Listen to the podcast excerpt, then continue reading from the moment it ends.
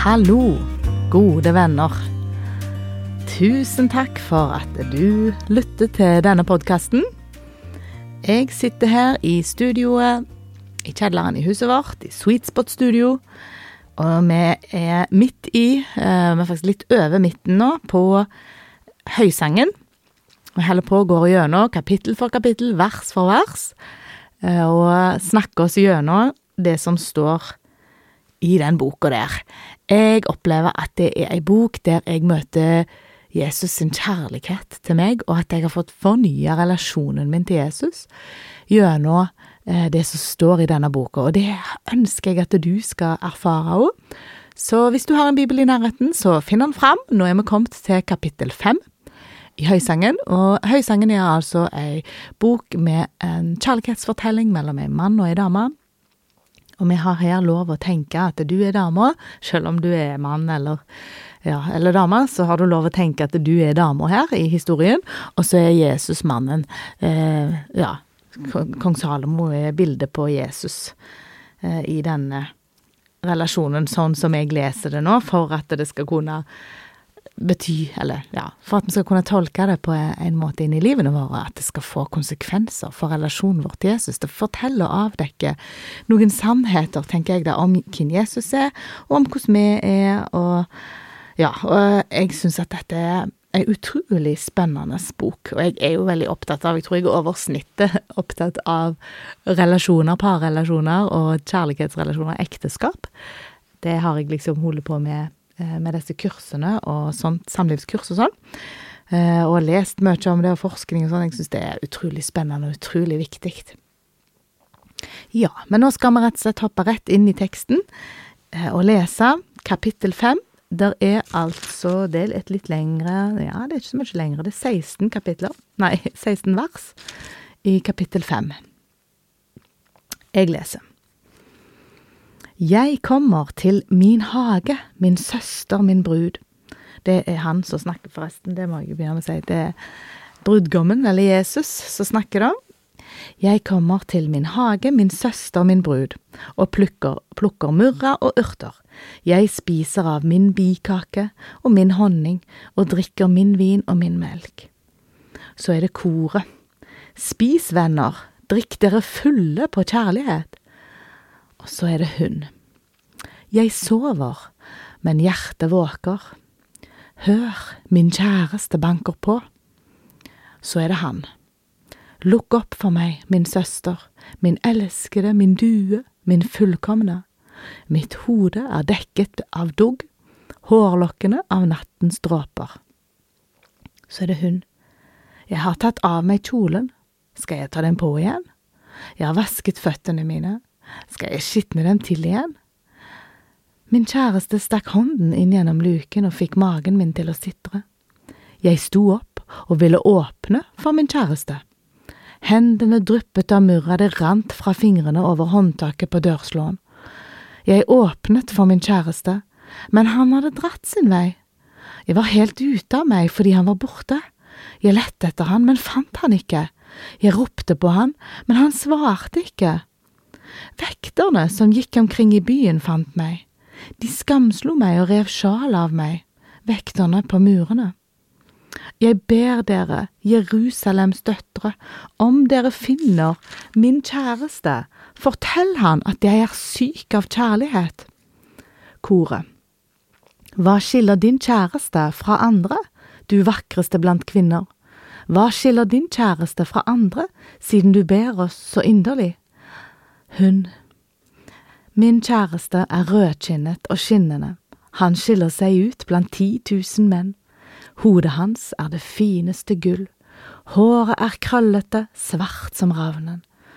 Øynene er som duer ved strømmende vann, de bader seg i melk, de hviler i sin ramme.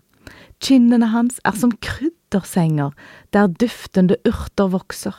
Leppene er liljer, de drypper av rennende myrra. Armene er staver av gull, innlagt med krysolitt. Magen er en plate av elfenben, overstrødd med safirer. Beina er marmorsøyler reist på sokler av gull. Skikkelsen er som Libanon, herlig som sederne der. ganen smaker søtt, alt ved ham gir glede. Slik er min kjæreste, slik er min elskede, dere Jerusalems døtre. Og jeg syns det er utrolig spennende det som skjer her, for nå er det en utvikling i dette kjærlighetsforholdet. Det er, eh, det er en prøvelse, tenker jeg, og det er det jo i alle relasjoner. Og i alle ekteskap og i alle Ja, så er det prøvelser og, og motgang, og der kommer utfordringer. Hvis vi tror noe annet, så tenker jeg at vi er naive.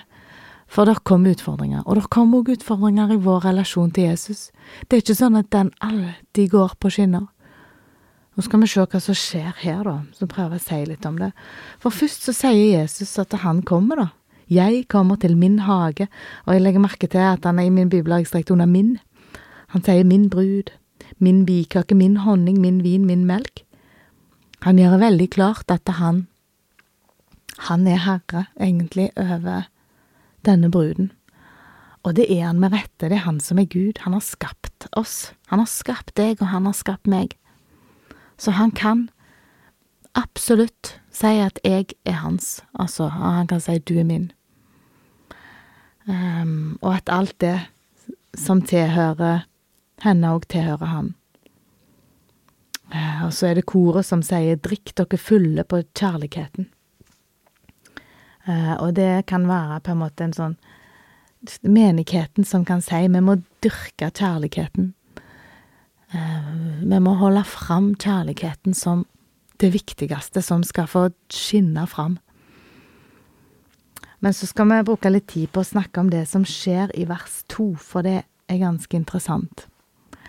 Da sier hun, Jeg sover, men hjertet våker. Hør, min kjæreste banker på. Hun sover, men hun hører at han banker på. Og jeg tror mange ganger så er det sånn i mitt kristenliv at jeg òg er sovna.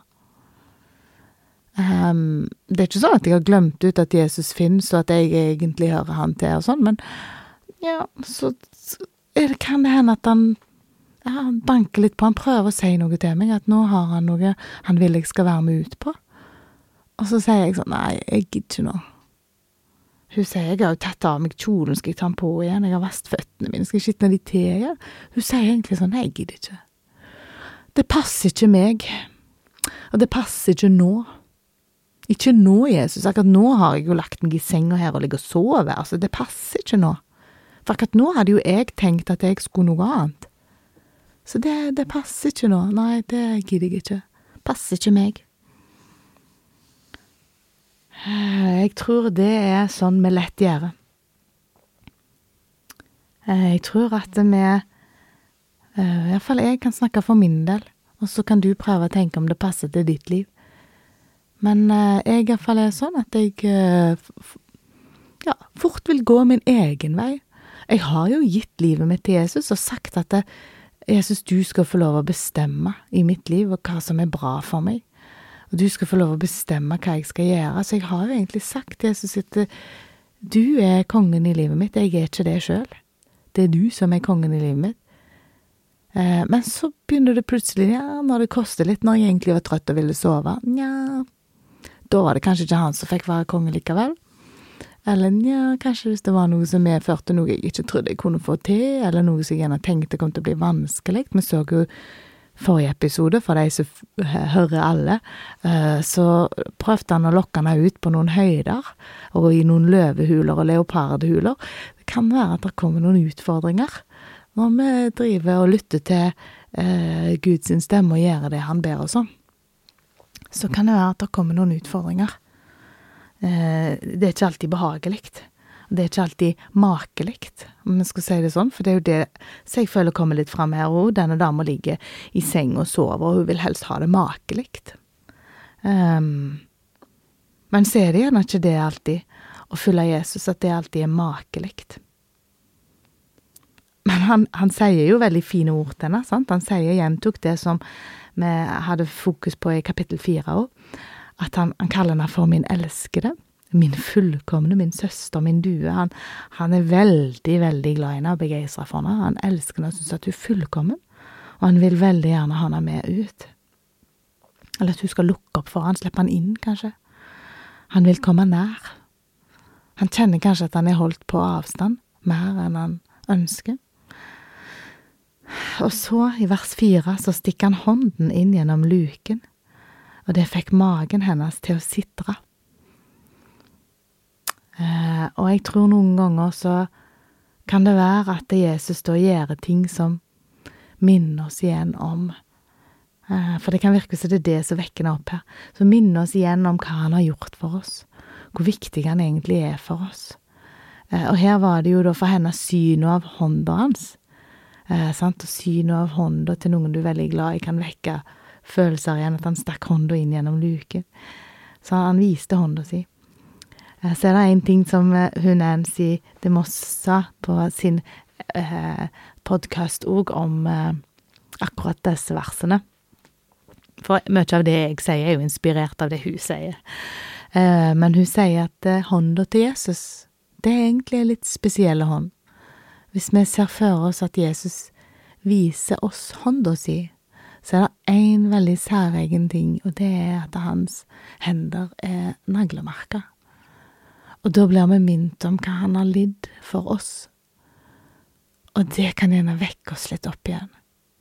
Sånn at da kan det være med og vil gjøre sånn som hun, stå opp og åpne døra.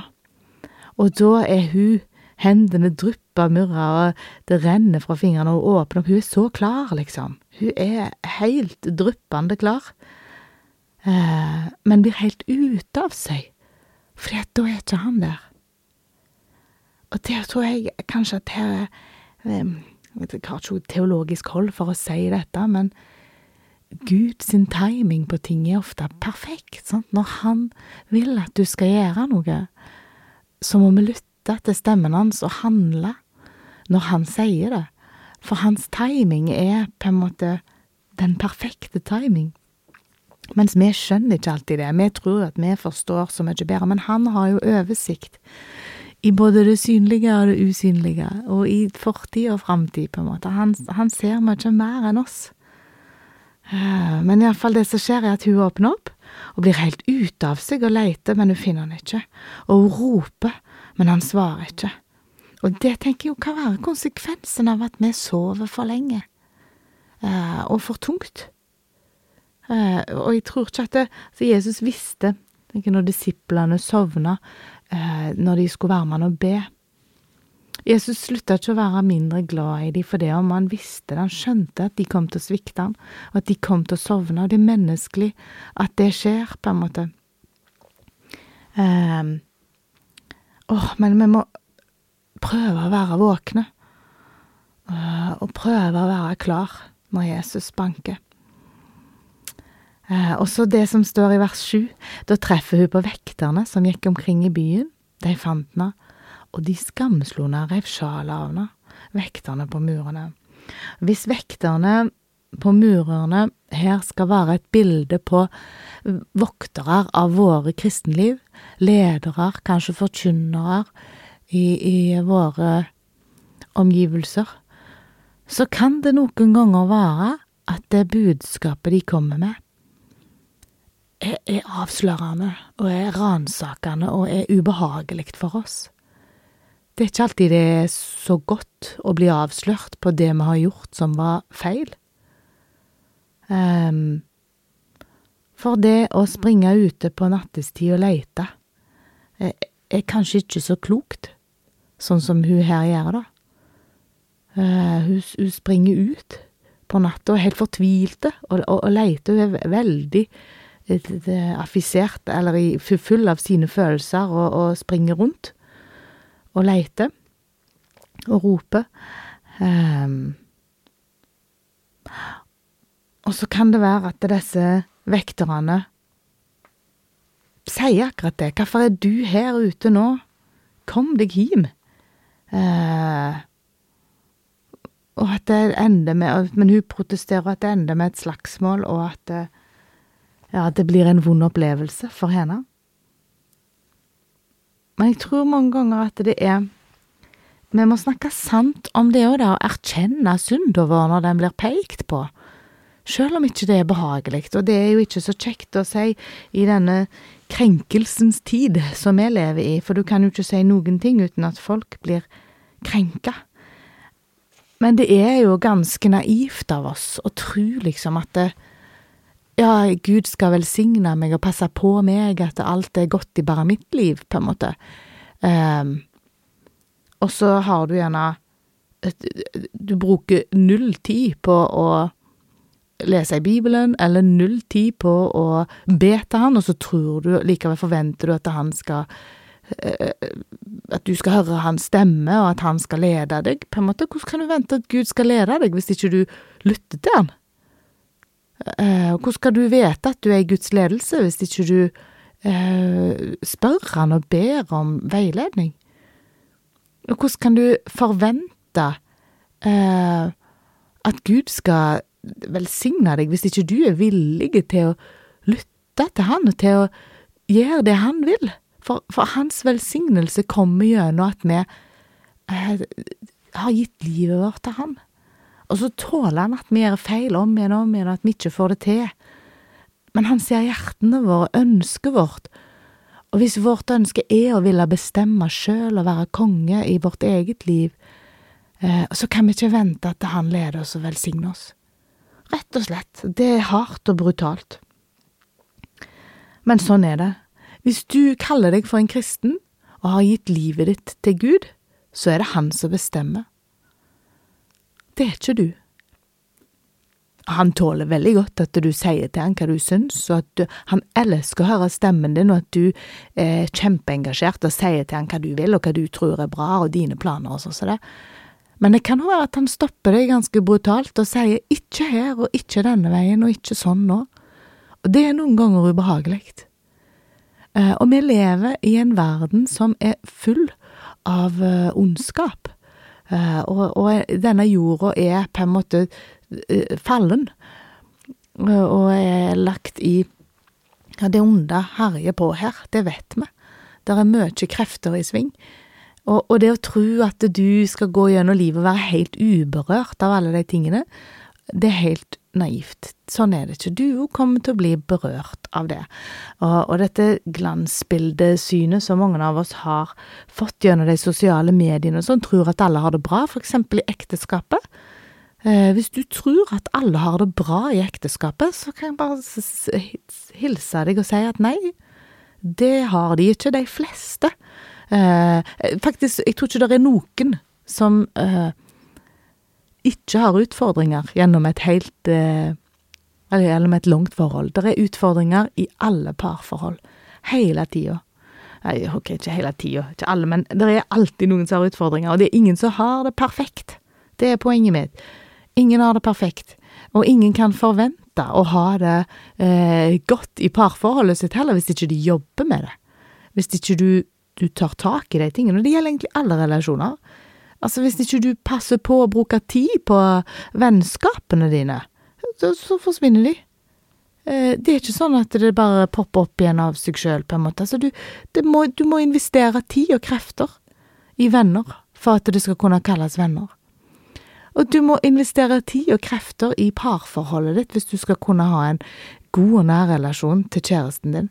Og du må faktisk investere tid og krefter i relasjonen din til Jesus hvis du tenker at du skal ha en nær relasjon til han.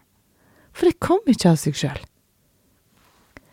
Det, det, som er her, er at det er alltid han eh, som står klar til å på en måte eh, bruke tid med oss. Han er alltid klar.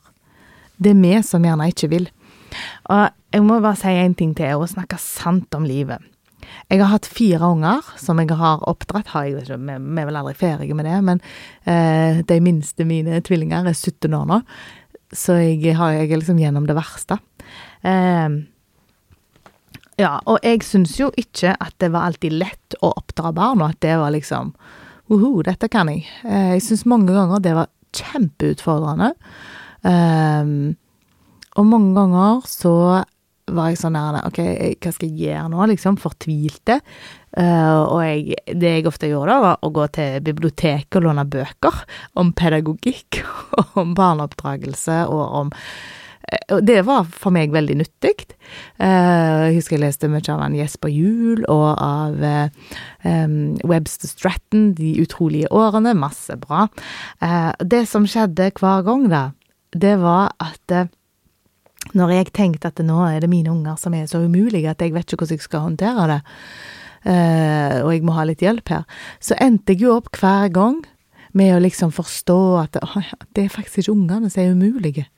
Som regel så er umulig oppførsel hos unger et uttrykk for uh, at ikke de gjerne har fått nok tid med mammaen eller pappen sin, eller ikke er nok sett eller hør, altså, at det er et eller annet som Og at iallfall at min påvirkning som foreldre i alle fall kan påvirkes gjennom at jeg bruker mer tid med dette barnet, at jeg faktisk er litt mer tålmodig, at jeg ser det, at jeg bekrefter på det gode. Så jeg var svarskyldig hver gang, liksom. Og, og, jeg tror jo at eh, Ja, at, at eh, det er litt sånn det er, da, på en måte. Vi går på trynet, vi gjør feil. Um, ja, og hvis jeg skal på en måte bli i bildet her, da, så er det sånn nå at det, um, I relasjonen med Gud så er jo på en måte jeg barnet, da, og så er han foreldren. Um, og nå er det jo da Ok, det ble et dårlig bilde, men når jeg tenkte det og skrev det ned, så var det så bra. Uh, nei, men at jeg um, Gud er den som alltid står klar til å ville være i lag med meg og bruke tid med meg. Men når jeg ikke har brukt tid i lag med han, så blir jeg fort umulig. Eh, da er det fort at jeg gjør ting som ikke var så klokt å gjøre. Det er fort at jeg eh, oppfører meg dårlig. Likt som i bildet, da, med at unger på en måte plutselig Barn stjeler, eller barn lyver, eller barn slår, eller barn Sant? Altså, ja. Eh, og da liksom løsningen er bruk tid i lag med foreldre.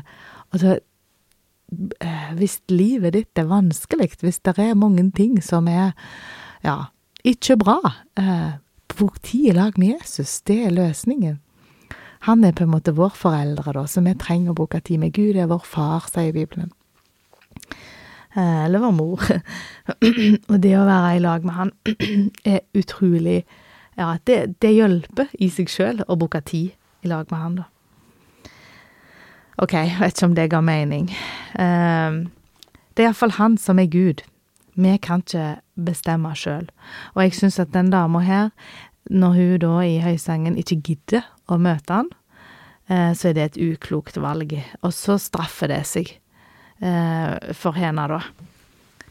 Og så syns jeg det er så fint når hun da treffer Jerusalems døtre i kapittel 8, nei, i vers 8 er i kapittel fem ennå. Eh, så sier liksom hun, jeg ber dere Jerusalems døtre, om dere finner min kjæreste, så forteller han at de er syke av kjærlighet.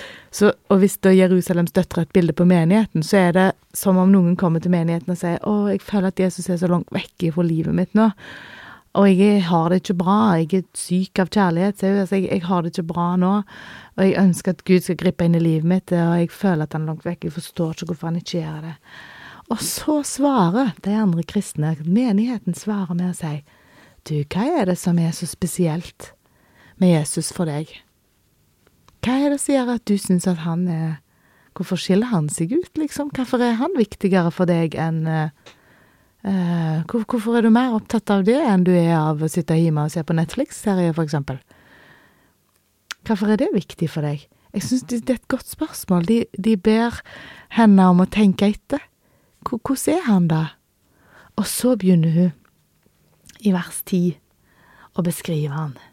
Og beskrive hvordan hun syns at han skiller seg ut, og hva som gjør at hun syns han er spesielt fine.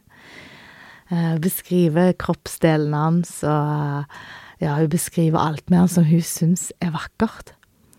Og det, mine damer og herrer, er en nyttig øvelse. Sett deg ned og beskriv hvorfor Jesus er viktig for deg og hva du syns om han, og hva du har erfart eh, i lag med han, og hva han betyr for deg.